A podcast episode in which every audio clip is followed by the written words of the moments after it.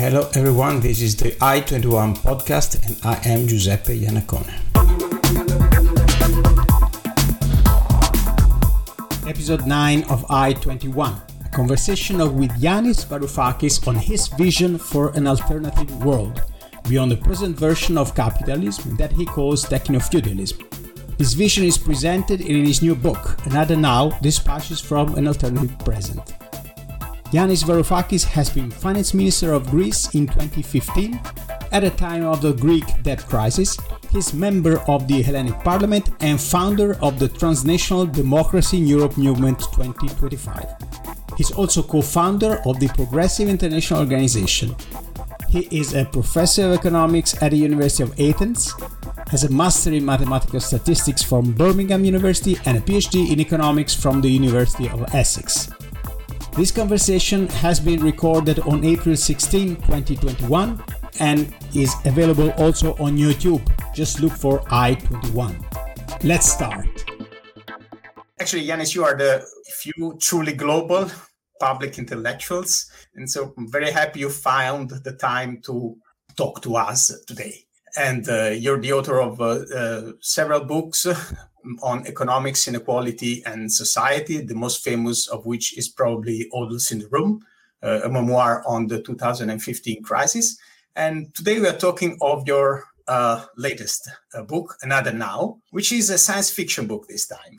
Basically, you, you, at some point in 2008, this parallel universe departs from our own and in this other parallel universe, basically capitalism is uh, substituted by a different systems, a systems that is, uh, let's say, market economy without capitalism. And uh, this is just a nice literary device for you to express your vision about uh, the alternative world that you would like to, to have. So the first question is very uh, uh, easy for me. Let's say, why did you choose this literary device to express your, your ideas on the uh, alternative world that you would like to see. Well, Giuseppe, you know, when, when one writes about the present, it is quite straightforward uh, to, you know, to write it as an essay and to say, this is how, you know, how the system works. In my view, um, this is how money functions. This is how banks work. Uh, this is the reason why we have a crisis. Uh, you, you, put forward hypotheses, you describe, and you can speak um, in the present tense, you know, I believe X, Y, Z is going on today here and there. All right. And then you can be judged on the basis of uh, how well your hypothesis resonates with uh, the data and with what your audience or readers uh, have experienced. But when it comes to answer the question, okay, how could things have been differently? How could we have organized economic, social, political, moral life differently. Um, effectively, you're being asked to produce a utopia. Now, the problem with that, if one is truly honest with oneself, is that you really have no clue. and uh, not only do you have no clue, but um, if you're intellectually curious and totally honest with yourself, you'll find yourself in disagreement with yourself about how things should be. You know, you come up with an idea, you say, oh, maybe we should be, not be doing this and we should be doing the other. Like, for instance, one of the ideas in the book is that we should have no share markets. So if you don't have share markets, what do you have? How do you distribute um, savings uh, amongst competing you know, business opportunities and endeavors? Um, so you come up with an idea and then you think, yeah, but hang on a second, you know, this is pretty dumb because if we do it this way, then we have this problem. So a genuine intellectual engagement with writing a blueprint for a utopia means that you are going to have to have doubts and you're going to have to have discussions with yourself. So it's very difficult to write it as an essay where you say, I believe X, Y, or Z. Um, if you if I were to write it that way, first I would be bored. And secondly, very soon I would have to write another essay denouncing my first essay. Uh, but, and this is the beauty of a novel, if you have characters, you are allowed to have this conversation with yourself um, or project this conversation with yourself onto your characters. So um, I have three main characters in Another Now, as you know, because you kindly have read it. Thank you for this. Um, I'm always uh, pleasantly surprised when people like you read what I do. uh, very pleasantly. I very surprised. um, so, you know, I have, you know, I needed to have somebody who rejects the notion that there can be something better than capitalism. So I have a neoliberal ex-banker economics professor. I've met many of these people. I've worked with them. I like a lot of them. You know, in, in academic economic departments, you know, the vast majority are like that. I've taught that kind of stuff myself. So I have a great affinity, even though that I don't agree with this neoliberal, libertarian, free marketeer perspective. But somebody had to be there to pass judgment on what I was putting forward. And that's Eva. Uh, then there is the Marxist feminist radical who is a pessimist and feels completely defeated, like the left is usually around the world, like I feel defeated. Um, and she's looking at this blueprint through this, you know, lens of the defeated left who wants it and at the same time doesn't like it and you know, constantly um, moans and groans about it, like most leftists do. Right? Yeah. Uh, and then there is Costa, who is closer to you, to you, to your uh, discipline. He's an engineer. He's um, a tech enthusiast who believed as a young man that the internet and digital technologies will liberate us. Um, but then, through the experience of working in corporations, in big tech, uh, he became disillusioned. And while remaining enthusiastic about technology, he's also um, uh, absolutely terrified by how technology is being used by big tech. So these are three characters for me capture the three varieties of modernity that have failed. You know, the left, failure. The liberals, neoliberals, free marketeers, failure. Uh, the, techies, failure. But out of these failures, you know, comes the hope of um, a realistic utopia, one that it's worth imagining and fighting for. And then, of course, they have arguments amongst themselves, which allows me to express the different doubts that I have about my own beliefs. No, you, are right. I really identify with, with Costa by uh, during my, my uh, reading of your book. And also, uh, I mean, reading a book, one can see that you really like uh, technology uh, because also the, the new world is completely based on, on new technologies because otherwise it would not be possible and we will come to that but also you say very clearly that uh, according to you, what we live now is a techno-feudalism right mm-hmm. and also this is some, something that is expressed by, by costa in, in very clear terms in the book why, why do you think we are in a techno-feudalism now giuseppe when when I was young, a long, long time ago, I remember how exciting it was to participate in debates in debates between the left and the right. And the traditional right free market liberal position was that uh, the best way of organizing life is through a decentralized decision making mechanism, which is the market. And the beauty of the market is that when you are in it, you are free, as free as one can be. You can, you are free to choose between competing products as a consumer, consumer sovereignty. Uh, as a producer, you can try your own thing, and you know it's a Darwinian process. Successful products will survive, um, unsuccessful ones will perish. Competition ensures that everybody is free, but at the same time powerless, because no one is large enough compared to the size of the market to tell other people what to do. Because if you do tell them they have alternatives, they can, if they're workers, they can go and work for somebody else. If they're customers, they can go and buy from someone else. So that was the defense of capitalism, that model which is based on the notion of competition, where competition is the invisible hand of Adam Smith, ensuring that no one becomes too powerful and that in the end, greedy, self interested acts by each one of us as consumers and producers lead to the serving of the public interest. That's I think, a pretty fair description of the defense of capitalism. And then, of course, the left, who's arguing that, since Karl Marx at least, that uh, um, once you have commodified labor and the market for money, you end up with an oligarchy, which generates crisis and wastes uh, whole generations, uh, unemployment, and so on. And therefore, you need to have a, a, a kind of um, non-market central planning mechanism by which to distribute resources. That debate was fascinating. And as a left winger, I was always more fascinated with the arguments of the other side. So the, the, the, the view of capitalism as a decentralized market-based decision-making process. Now, that d- debate remains very interesting, but it, it is utterly relevant since 2008 because that competitive market decentralized decision making process is no longer with us. Before 2008, it was still plausible to talk in those terms of competitive markets and also to think in terms of you know, the state and the market. The market works on its own. The state simply provides the rules so that, you know, I do not um, steal from you. and if I do steal from you, the police grabs me, and therefore the market is protected from the state by the law. Uh, and but the state keeps to itself, and it is simply a night's watchman, a policeman. That view is utter rubbish now, because from 2008 onwards, if it wasn't for the state printing rivers, Amazons of money with which to flood the commercial banks and the corporate sector, you know, capitalism would have died.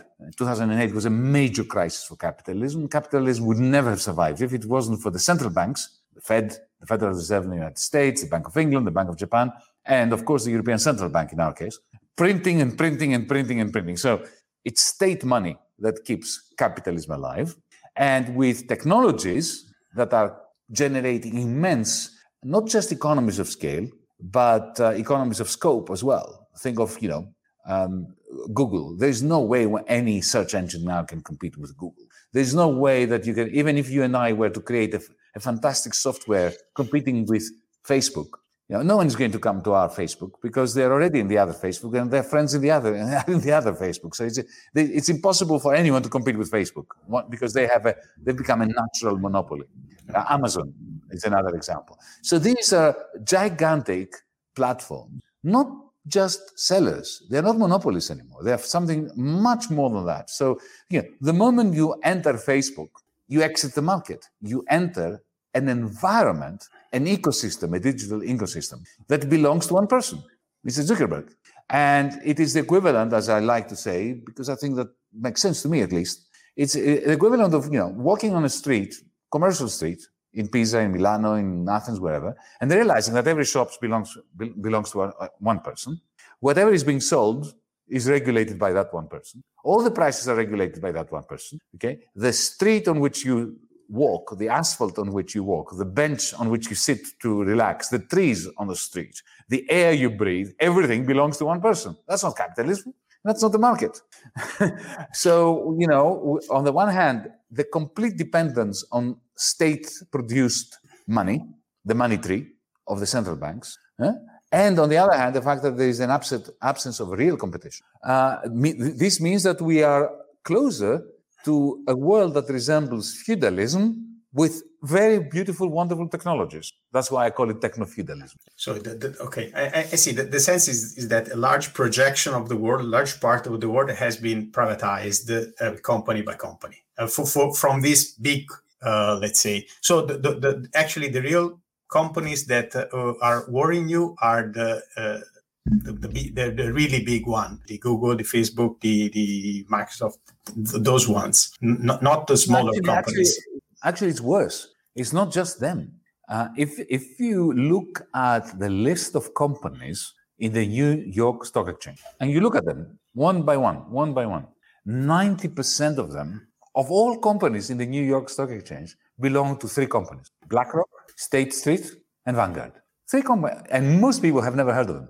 You know, they own all the airlines. So, what kind of competition is there between airlines if they're all owned by the same company? is it any uh, wonder that you know airline price tickets are the same. Whether you fly Delta or United, it's the same price ticket, more or less, with you know, some tiny variations depending on the packages and the product differentiation. You know, it's like Procter and Gamble producing 30 different types of soap powder. You go into the supermarket and there are 30 different types of soap powder, each one with a different brand name. But if you look at the small print, they all belong to Procter and Gamble. Yeah. That's not competitive capitalism. Yeah. Oh, I, I, I, see the point. Let's let's go to the um, uh, other now, and for those that have not uh, uh, read books, discuss how, how it works, at least the basic things, uh, because I anticipated the fact that there is this uh, uh, market economy without capitalism. Essentially, there are no investment banks, no stock market, no derivatives market, of course, and every citizen has his own personal capital account uh, which consists of three components, right? One is a form of universal basic income.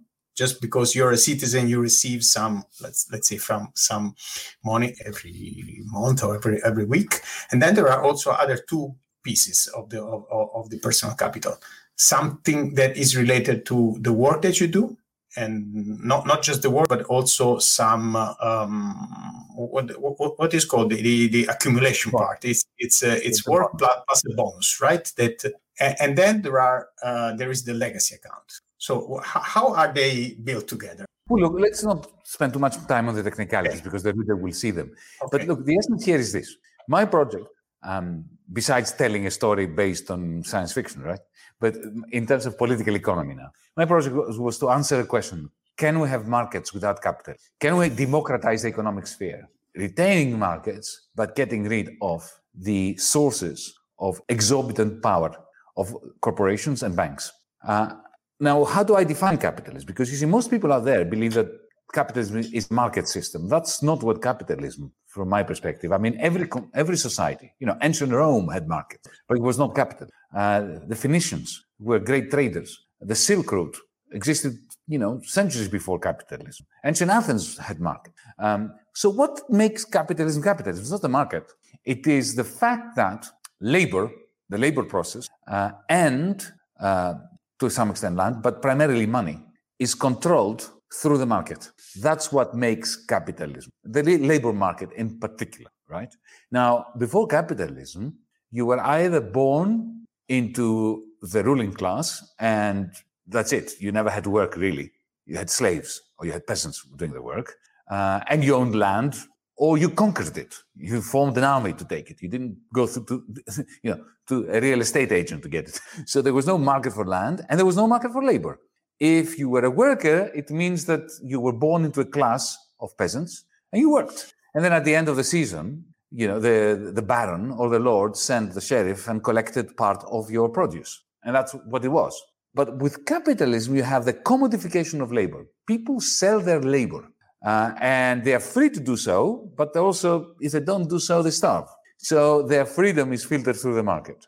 Uh, so the question, intellectually speaking, can there be markets with capitalism, without capitalism, translates into a slightly more precise question. Can we have corporations markets, production, sales without a labor market. Now, the only way you can do away with a labor market is that if you and I own a company and we're partners, then I'm not employing you, you're not employing me, we're just partners and we do not receive wages. What we receive is a share of the profits. Then it's, there's no labor market.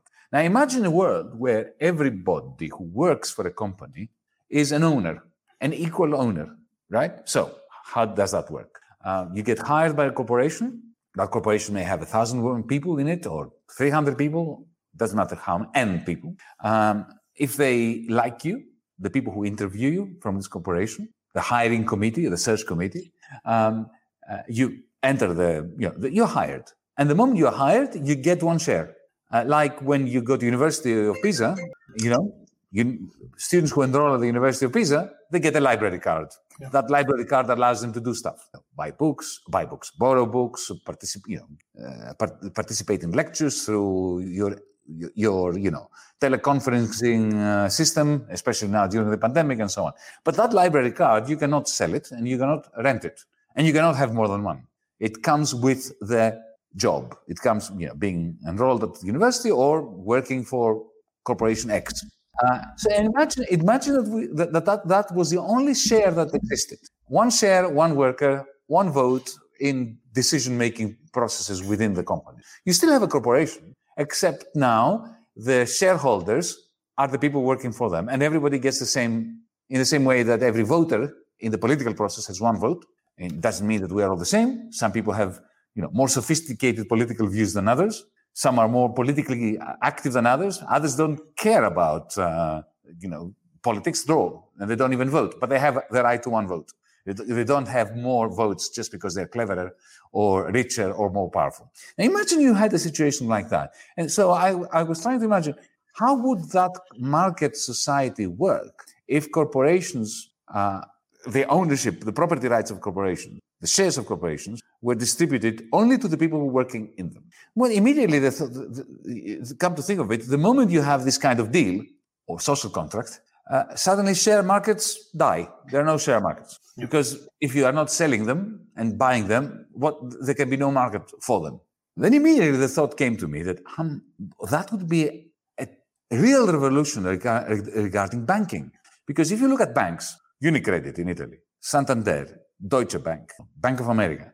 Now, a tiny proportion of what they do have to do with you. You know, uh, rank and file um, member of the public that has an account with, with, with Unicredit. Most of what banks do is effectively they bet on the stock exchange or they, they lend money to other people to bet on the stock exchange or buy derivatives, which are what? Bundles of, dif- of different shares or options to buy shares. So if you take out tradable shares, then the banking system we have now disappears. Now, that might sound like a crisis what would we, do without banks? Well, then you realize, well, why do we really need banks in capitalism today? We need banks today because it's the only way of making payments. So if you want to buy a book, you know, on Amazon or some kind of platform, or if you want to go to a local cafeteria know, use your card to buy a, cup of cappuccino, right? Now, your, your, your, your money is with a private bank. Your card or, you know, app on your phone is going to work through that bank and then that bank is linked to another bank belonging to that has an uh, where the cafeteria owner has an account and you know your 2 euros will go from your bank account so the payment system is privately owned now yeah. due to these banks most of the profits of those banks do not come from your payments uh, it comes from sh- the share market so what could the alternative be well all our bank accounts are now digital now santander unicredit I don't know if there is a Banca di, di, di Pisa. I'm sure there is. Or there is something similar. Something similar, right? Um, you know, they all have a bank account with the European Central Bank, with the yeah. uh, Bank d'Italia, or which is of course the European Central. Now, the European Central Bank, in principle, could provide each one of us with a digital bank account.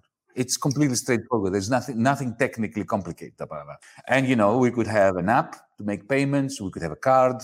Uh, there's no reason why we should have a bank account with a commercial bank in order to make payments. The payment system could be the payment system, an expanded version of Target 2, the payment system of the European Central Bank, similarly in Britain, similarly in the United States. So suddenly we realize once we do away the share, share markets, we've done away with the labor market because effectively all employees share profits. They don't have employers and employees. They're all employers and employees at the same time, since they own the corporation. So there are no labor markets. There are no wages and profits. It's just residuals that are being shared, net revenues that are being shared. Suddenly, there's no need to have banks because the central bank can, can do the job. And that's when the next idea comes in about the universal basic income that you mentioned. Because, look, as we speak, only in the few months since the pandemic began, the European Central Bank produced, printed 2 trillion euros. They've already done it. Yeah, they've printed 2 trillion euros. Only the last year or so, 13 months. Since the 1st of March of 2015, when Mario Draghi started it with QE, quantitative easing, they've produced upward of 7 trillion euros. So it's not that they're not printing it. The money tree exists. we don't need to invent it. It's there. It's producing we're harvesting money from the European Central Bank, just like the Americans are ha- harvesting from the Federal Reserve, the Brits from the Bank of England, the Japanese from the Bank of Japan, the Swiss from the Bank of Switzerland, and so on. Well, where is all this money going? The ECB money. It's going to private banks. The idea is that they, during the pandemic, during the difficult times of the euro crisis and so on, the banks like Unicredit is going to lend it to you to start a business. But Unicredit is never going to lend it to you because it looks at you and says, yeah, right, uh, he's never going to make money, sufficient money to repay me. So instead, they give it to Fiat, they give it to Alstom, they give it to Siemens, they give it to Volkswagen, who are already sitting on a pile of cash and they are not investing it because they're fearful that Giuseppe and Yanis are not going to be able to buy their stuff. So what does, you know, Fiat, Alstom, Siemens, and so on do with the money that they get from the central bank via the commercial bank? They go to the stock exchange and buy their own shares. So their share goes, share price goes up. They do very well because their director's pay is linked to the share price, but no investment takes place. So the money is wasted. So if we cut out the middleman And the central bank simply, if you and I have, all of us, if we have accounts with the central bank, well, just put the money in there directly into people's accounts as a UBI, a universal basic income.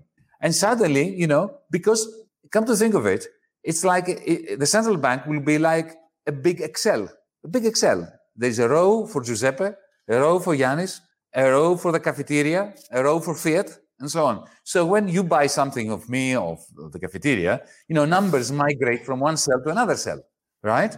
And to the extent that production takes place as a result, you know, production of coffee, of cars, of, you know, electronics lectures or lectures on electronics, whatever it is that you're providing the world with, right? Uh, you know, the economy is uh, moving. And if the central bank thinks that there is too sluggish economic activity, they can give us a little bit more money. If they think that the economy is overheating, they can reduce it. So macroeconomic uh, management policies are much easier, much more straightforward, because now they really don't know what's going to happen. If they give more money to Unicredit, is this going to trickle down to the economy? They have no idea. It usually doesn't. So macroeconomic management becomes easier. And in the end, you have the elimination of feudalism. Because if ownership in the end goes to those who work in companies, you are never going to have huge companies because let's face it, there is an optimal size of a company if we are all voting for big yeah. decisions. We're not going to have a company with, you know, a million people. We will not want it. If our company, if you, me, and another thousand people have a company and we want, we are growing much more, maybe that we will split. There will be two companies so that decision making can be optimal. We will decide that. We have no reason to have a company where there are a million of us. We're not going to gain anything as individuals. So that's how the thinking behind another now's political economy, banking, labor markets, or the elimination of labor markets, corporate law evolved as I was writing the book. So you, you see basically as a, you see it as a big simplification of all the complexity of, of the of the world, which is basically really not needed, not necessary.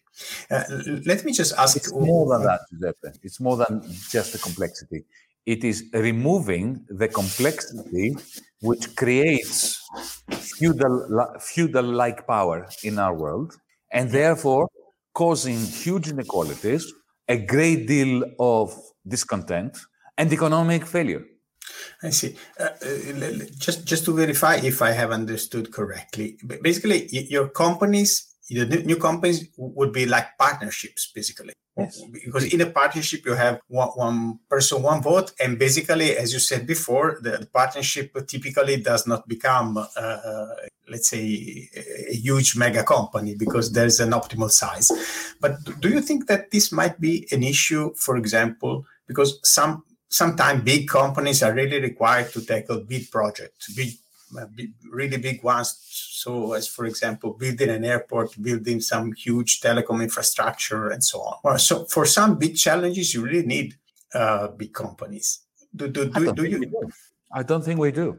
This is where new technologies come in, because uh, um, uh, the building of instead of thinking of one company building an airport, think you know break down the various parts of building an airport, and you have many smaller or medium-sized companies. They don't have to be very small. You know, one is building the runway, the other is building the electronics, uh, the other one is building the catering, um, and and you can have alliances between companies, which you normally do anyway, even under capitalism. What you do away with is Amazon, because Amazon now is destroying whole marketplaces. You know, eh, eh, eh, little towns, small towns, large towns, Amazon is now wrecking them. And it's doing it at a global level so what is the value added of this? The ideology of cheapness, that everything must be as cheap as possible. But in the end, when everything is as cheap, it becomes really nasty as well. And it has, you know, environmental effects. And it, it, it reduces the, you know, the local content, which adds the flavor. Because if you take away from publishing, you know, the local novels, from music, the, you know, the local talent, and everything is crushed and musicians can in pisa can never make any money because you know uh, spotify and amazon never allow them to make any money because they crush them through their sheer size and power. You know it will many ma, ma, you know wonderful music that would have been produced otherwise will never be produced Yeah, I, I, see. No, in, in those cases, I see very clearly because, as you mentioned, Amazon basically has, uh, let's say, aggregated together a business which, was used to be performed by several smaller companies, and that is probably the same for for Spotify and and similar ones. But my, my feeling is that probably you you you also lose some big companies, not uh, maybe as big as Amazon, that may, might be required for tackling big uh, big project. This is something uh, sort of uh, let's say doubt that I have. Yeah. Look, I have doubts too. Uh, let's have them. Uh, the more doubts we have, the, the smarter we will become. But if you think of you know think of NASA, NASA going yeah. to the moon in the 1960s. You know, how many employees do you think they had? Not that many. It wasn't that many. They had other companies working for them that they yeah. subcontracted stuff. But NASA itself, there were 3,000 people. Now they could work on, on the basis of, and you see the, the, the, new technologies that we have, the new algorithms, um, the new um, methods of aggregating information and aggregating uh, opinion and, and, and consulting allow for the, a partnership to work very smoothly I've actually worked in one of those companies, and this is where a lot of my inspiration comes from. Uh, back in 2012, uh, in a in a company in Seattle, uh, which was you know it was not many people. It was about 350 people, but they had a, a gigantic um, revenue stream of 1.2 billion dollars a year, right? And they operated on the basis of this kind of decentralized decision making, because a bossless firm anyone who's you know uh, worked on the project of their choosing you had spontaneous teams forming and being creative and when they you know they that company also worked with much larger studios in hollywood and so on. Uh, so the, the, they participated in large scale projects like the one you mentioned. And, and, and you know once you have voting mechanisms electronic voting mechanisms uh, that you know you simply touch a button you don't need the long um, assemblies and meetings, staff meetings that, that, that, they needed to have in Yugoslavia under Tito during the self-management period, which was a very interesting experiment, by the way, and to some extent successful, right? But today, all that would be very efficient with electronic voting. And let's forget, let's not forget that the beauty of this is that members of the company, shareholders, partners, uh, would have a right to vote, but not an obligation to vote. Because you know, this is a very important distinction. You have the right to vote, but you just vote on the things that you you know something about and you care. About. You care about. You don't need to vote about everything. Yeah, yeah. The, the, the company you're mentioning is Valve, right? Is, is that Valve. Right. That, that, that, that, I, I read on your Wikipedia page already. And this Valve is uh, the owner of the Steam gaming platform, right? That's right. Yeah. No, the, I, I mentioned this because when I uh, read your book, one thing that came to mind is that this, uh, let's say, design of uh, another word would be perfect for a massively multiplayer simulation game. because, because in that case, you can really try to see the, some maybe some, some some rules and then some emerging mechanism play if, if some new things that you did not expect before can can emerge from the um, for, from the people playing the game of of this other world. I don't know if you if you given your experience you ever uh, thought it that way but i think it would be a beautiful massively multiplayer game because because uh, sometimes you know my, my, idea is simply that sometime uh, um, uh, let's say uh, things emerge that you do not plan um, in advance and then you set up the rules but when you let the rules run sometimes let's say people start to behave in a way that you do not expect and and, and so on. And uh, so, uh, according to you, what, what do you think uh, is let's say do you think that this type of system can easily autocorrect and, and because sometimes things do not I mean, are not um, do not go in the direction that we expect. I mean, eh, for sure, the I I, I think that uh, the the point of keeping uh, companies uh, not too large is a way of autocorrecting because we have seen that if things becomes too large then uh, for example their failure can be a system problem no it's a, a system size problem. So that is a good thing. But do you see other aspect that uh, enable autocorrection of the mechanism that you that you, you envision? Absolutely. Yeah. endogenous stability is what we yeah. see right uh, as opposed to exogenous interventions where you know the state comes and says, "Oh, I'm now I'm now going yeah. to split the company up," because that is a, a form of violence by the state. Um, look, in the book, uh, I tried to imagine the extent to which the other now, the system that I imagined, uh, would be able to absorb shocks. That you know, would it generate shocks, a crisis, an endogenous crisis, um, and like capitalism does?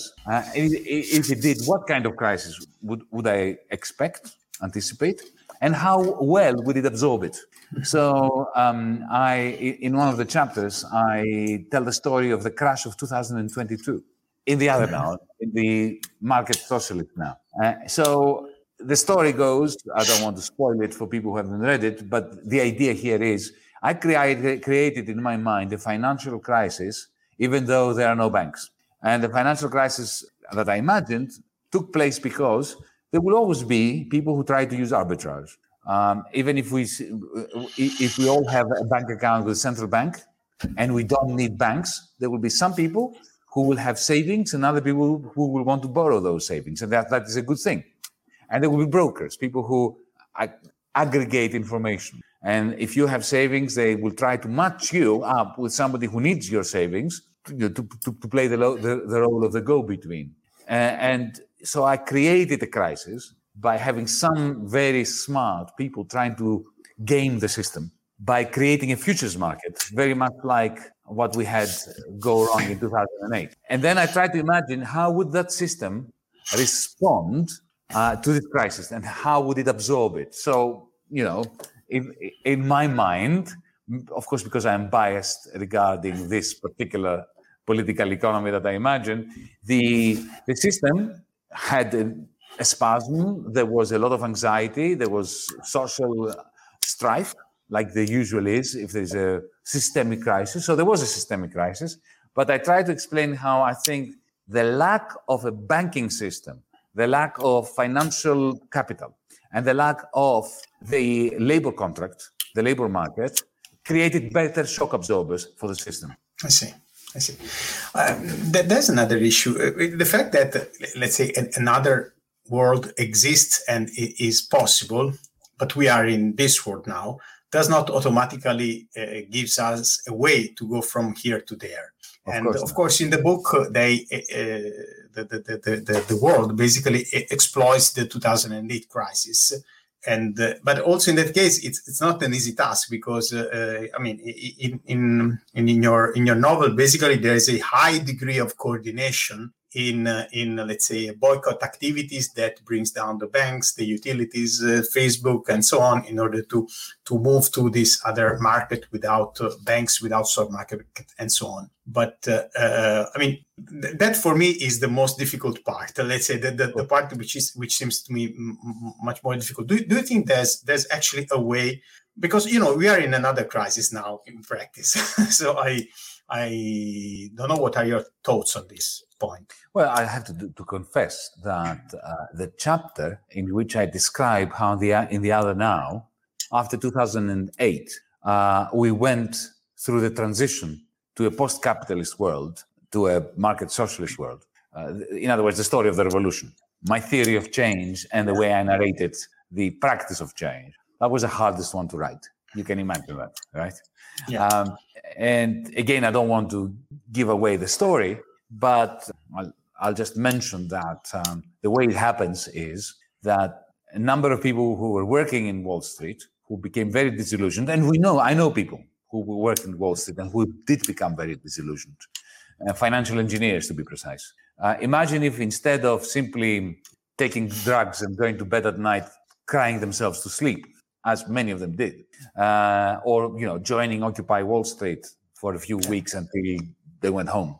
Imagine if they were so pissed off, excuse my French, um, regarding what happened. And so I have a, the leader of the revolution is called Esmeralda. She used to work for Lehman Brothers in my imagination.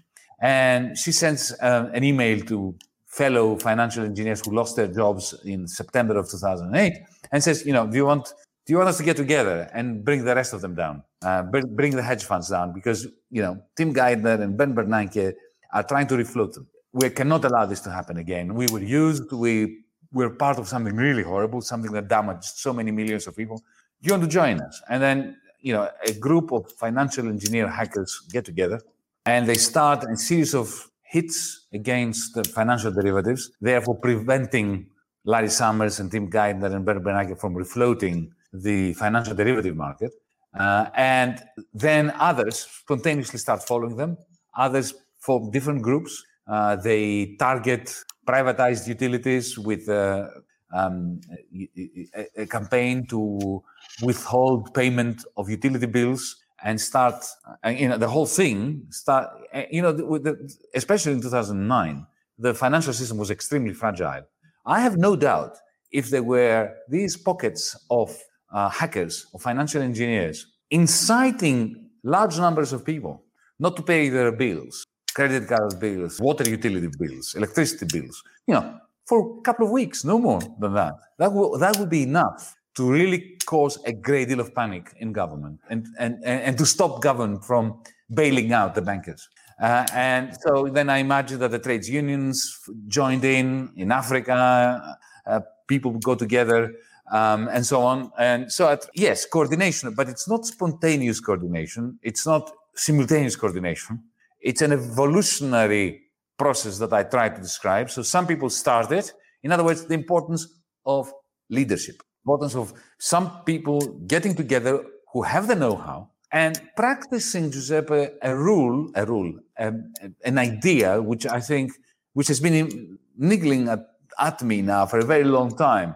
You know, in the 19th century, when trade unions were created, mm-hmm. uh, the heroism of those people was unbelievable. Because think about it, back in the, you know, in 18, the 1840s, 1860s, 1880s, even in the 20th century, to form a union was a major risk because, you know, people were really very, very poor, the workers. So going on a strike meant that there was no food for their kids during the, the days of strike. And also they could be shot at, they could be fired, they could yeah. be vilified, they could be, and they were. So it was maximum personal sacrifice for very little private benefit. So this, this, this calculus was always against the working class. And still they did it. Okay. Still they did it.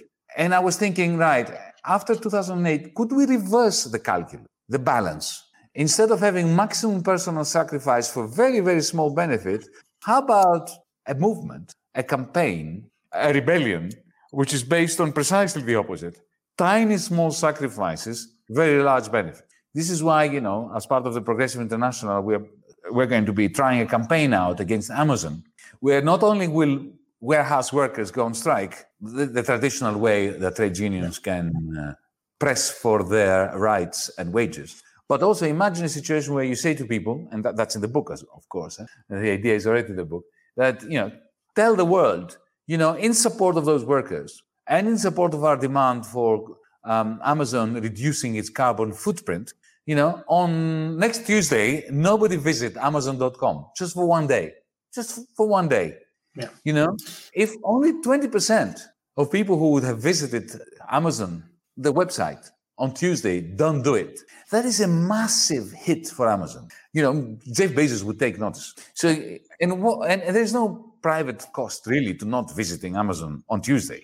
I mean, that's what I mean by tiny. I'm giving an example of this reversed calculus tiny personal sacrifice, great social benefit. So, this is my kind of thinking uh, regarding your question. Uh, how can we organize an international movement that campaigns for the change of the paradigm, of the foundations of capitalism? Now, I'm not saying it's going to be easy. But it's not going to happen the old-fashioned way, with just strikes and political parties getting together and organizing, you know, like the Communist Party of Italy used to, or you know, Syriza used to. Um, we need to combine the power of consumers, especially over the internet, with our power to, you know, to, to, to fight the war against finance on their own territory in terms of financial engineering with traditional forms of trade unionism, with climate protests. This, the, and I believe that people out there are fed up with the status quo. They are fed up with Tina, with the dogma that there is no alternative. And if somebody starts this process and they can see that it, combines technological expertise, love for technology, but also um, a complete rejection of the way technology is being used against people, against the majority, then it is possible. Not likely, possible. Yeah.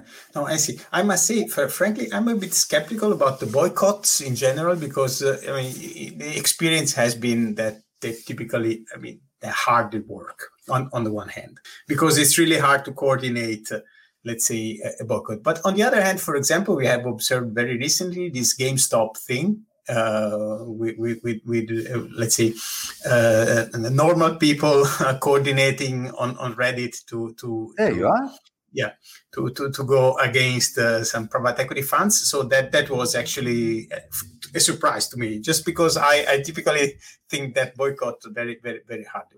But look I, I agree with you when it comes to the physical marketplace. It's very hard to organize a physical boycott but a digital boycott is very easy, especially if, if people out there and identify with the cause. You say to them, look, you know, there are these workers in warehouses of Amazon in uh, New Jersey, New uh, Bangladesh, who are, you know, who are being run into the ground by technologies, you, you know, the technologies that being used in order to check what they do every moment of the day. And they work for awful wages, no security, completely unhygienic you know, you can participate in this strike against this company by not visiting their site one day. That I think is easy to organize. What is impossible to organize is a physical boycott. You know, to stop people from going to their local cafeteria, uh, to stop people from going to their, you know, local, you know, whatever Prada shop if they're rich. That's that's impossible to organize. But and that's a GameStop, um, I think, uh, lesson for us that you know through Reddit, through um, a campaign on the on the using social media, which goes viral, and people feel that they, they belong to something bigger than themselves when they don't do something for one day or one week. That, that I think is doable. Yeah, uh, uh, Yanis, can I ask you what do you think of the present crisis? How how let's say the the, the various government are responding to it? Because I mean everybody's talking about building back better or some other variations of that and of, of I mean changing things after after this uh, period. But uh, I'm curious to, to to to know what you think. I, have I've read uh, um, an article you you put out very recently on Project Syndicate regarding this aspect. And uh, like, what, what can you tell us regarding this point? Well, let's begin with Europe. Europe's yeah. response has been absolutely pathetic. Uh, what I find astonishing is the improvement in the propaganda of the European Union. Unlike 2010, 2011, 2012, where they were terrible at macroeconomic policy, the, the response to the euro crisis was just idiotic and misanthropic. But so was their propaganda. Their propaganda was appalling. Remember when Mario Monti was coming back to Italy from Brussels? And it was all a joke. Within two days, everybody was laughing their head off at the incompetence of the EU. Now they've managed, they've succeeded in uh, Uh, portraying their response as brilliant, as you know, the best we could have ever imagined from the European Union. And it is terrible. It is just as bad as it was in 2010. This recovery fund is a very poor excuse for a response, a macroeconomic response to the pandemic. So Europe is going to certainly fall behind the United States and China yet again. So remember, we had the euro crisis. Europe was weakened vis-a-vis China and the United States. It is going to be weakened even further. Uh, the fragmentation of the European Union is continuing. Uh, more Italian national debt. Can is, you expand this point because this time is not responding with uh, with austerity, right? Is responding oh, wait with. It. Wait okay. it's going, no, no, just, just uh, I'm asking to expand this concept. So for, for the moment, at least, it seems an injection of of resources, basically, right? Zero point six percent. 0.6% of GDP when we have an output gap of 8%. So, you know, yeah. we needed something like 8% of a fiscal stimulus and we get 0.6%. Uh, don't listen to the 750 billion. This, most of those are loans. Loans are useless when you have a, a massive crisis. And the austerity is going to come, but it will come only when Berlin balances its budget, right? Can I remind you that um, immediately after the euro, was put together in 2000, the first country that broke the Maastricht rules was not Italy or Greece, it was Germany. Yeah. So when it suits them, when it suits them in Berlin, um, then they break the rules. And while they're breaking the rules, they cannot expect Rome or Athens or Madrid not to break them. So now they're giving Mario, Mario Draghi and Mitsotakis here in Greece, they're giving them leeway. Debt is accumulating, accumulating, accumulating, right? Because there is no Eurobond really. The not one penny has been spent from the recovery fund, and when the money comes, it will be puny compared to the increase in the national debt of Italy, of Greece, and Spain. So when Berlin balances its books under a new chancellor as well, not Merkel, right? Uh, then the email will go from Berlin to Brussels to Rome, and it will be cut down.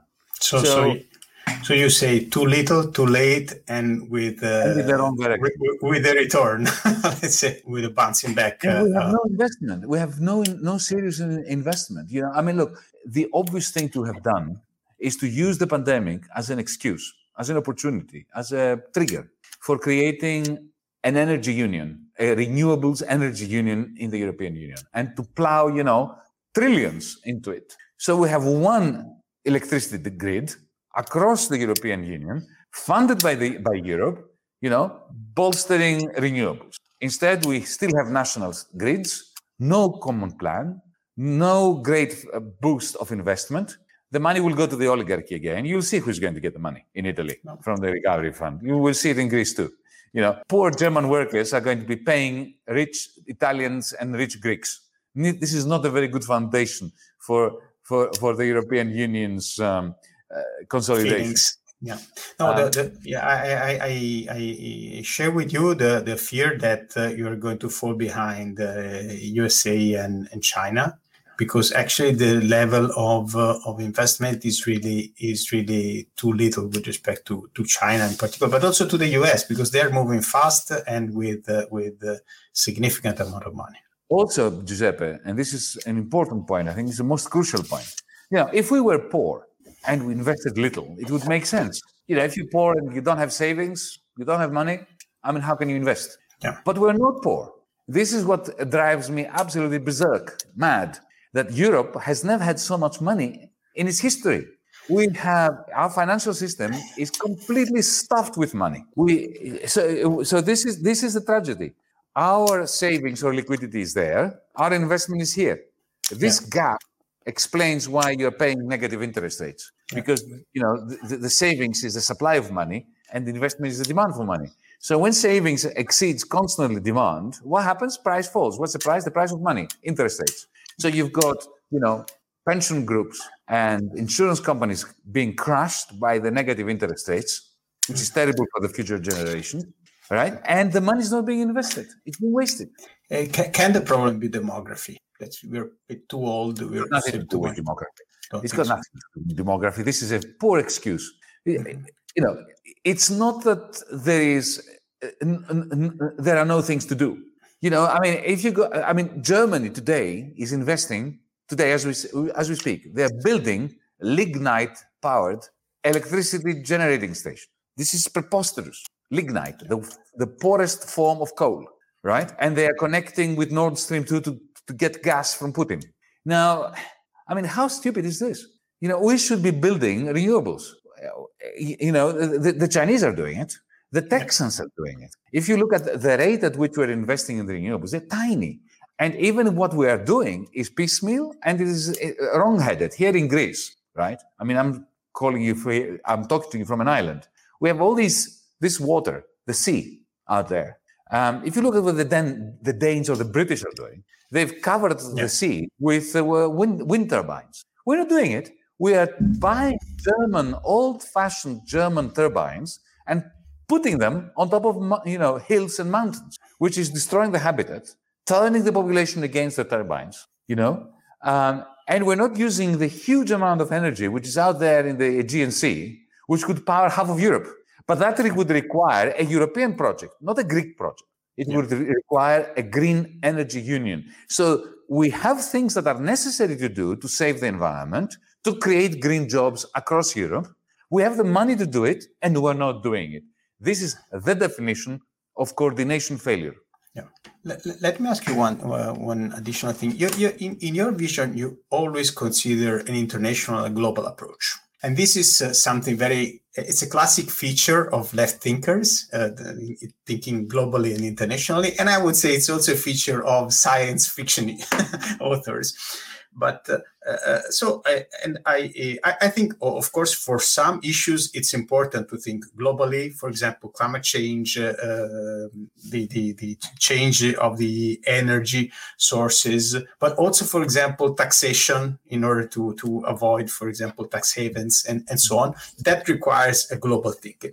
But on the other hand, what we are observing also in this crisis is that, for example, there are some regionals regional and local um, uh, communities that are uh, trying to differentiate themselves from the from the nation. We have seen it in Italy, we have seen it in Spain, we have seen it in Germany, also with with um, Dr. Merkel. We have seen it in the UK. I mean, uh, uh, does it surprise you? Do you think it's normal? How can we try to let's say tackle the global issues if uh, the, the, the whole picture is so fragmented? Well it's funny you should say this because the most successful internationalists are the bankers, not the left, not science fiction writers. You know, the bankers operate uh, on the basis of true internationalist solidarity amongst themselves. You know, after the, the, the, their banks collapsed in 2008, uh, they got together, they pushed our leaders, the G20. Remember, April 2009, they met in London um, under the chairmanship of Gordon Brown, who was British Prime Minister at the time. And they organized a simultaneous, incredibly generous bailout of all the bankers of the world. They printed huge quantities of money. So they, they are thinking globally, right? Uh, so do the fascists or neo-fascists or nativists or, you know, populists, call them whatever you want. You know, Salvini and Le Pen and Trump and uh, Bolsonaro and Modi uh, they, they have a fantastic relationship. They, they collaborate beautifully with one another. And then they go back to their homeland and they talk about, you know, the national identity and, and they have a nativist approach like Donald Trump did, you know, America first, or, you know, Boris Johnson or Nigel Farage or Salvini, right? Uh, but it's all fake because they're really very well coordinated. The only people who are not coordinated are the progressives. it's about time we started coordinating. Why? Because you see, the tragedy is this I do not want to live in a world, in a global village. I do not want to live in a world. Where, I mean, I am living in a global village. You know, I go to whether I go to Rome or to um, to Sydney, Australia, or Malaysia, I will find the same shop, and people will be, you know, listening to the same, watching the same Netflix movies. Already, our regional, local cultures are being decimated by internationalists, but they're being disseminated by the wrong international. Mm-hmm. So if you want, if we want our local culture to flourish, we must organize internationally to defeat the globalism which is killing off regional variations. So I'm a patriot and I'm a localist, and that is why I'm an internationalist. It is a false dichotomy to say either you care about your own community or you care about the world. People say to me, I want my village back. I've had enough of my village, not controlling my life in my village. I want my my region back. You know, I want Calabria back. I want uh, Italy back. Yes, fine. I want you to have it back. But the only way you can get Calabria back, the only way you can get Attica back, is if we organize at the European level to you know to to to, to have the green energy which is necessary to create good quality jobs in Calabria, in Attica, huh? and then our local cultures will flourish as well and will not be surrendered to Netflix and Spotify. Oh, I, I, I get your point. You so so I, I get your point. You you, you say we, we can we can uh, uh, let's say it, it's, it's, similar to act local, think global, act global and think local. It's the, it's the same Indeed. the same um, Indeed. Indeed. Uh, approach. Okay, uh, uh, we are past the hour. I would I would, probably we should we should close here. I'm looking at the comments, but actually there are comments, not really additional questions from the from the audience. So I'm I really would like to thank you again. I enjoyed very much this conversation. It's been a real pleasure, uh, and I'm really I really appreciate you you spending your time with us today. And, well, thank you. Uh, it was it was great fun talking about my book, and thank you. You know, it's it's a great honor um, you know, whenever one is writing a book, especially uh, a novel, and you know, I've never written a novel before. One feels, my God, who is ever going to care about this? So thank you for caring. okay, thank you very much. And we can we can say hello to all the people that have attended this uh, this. Uh, thank you, everyone, for bye bye for watching. Thank you.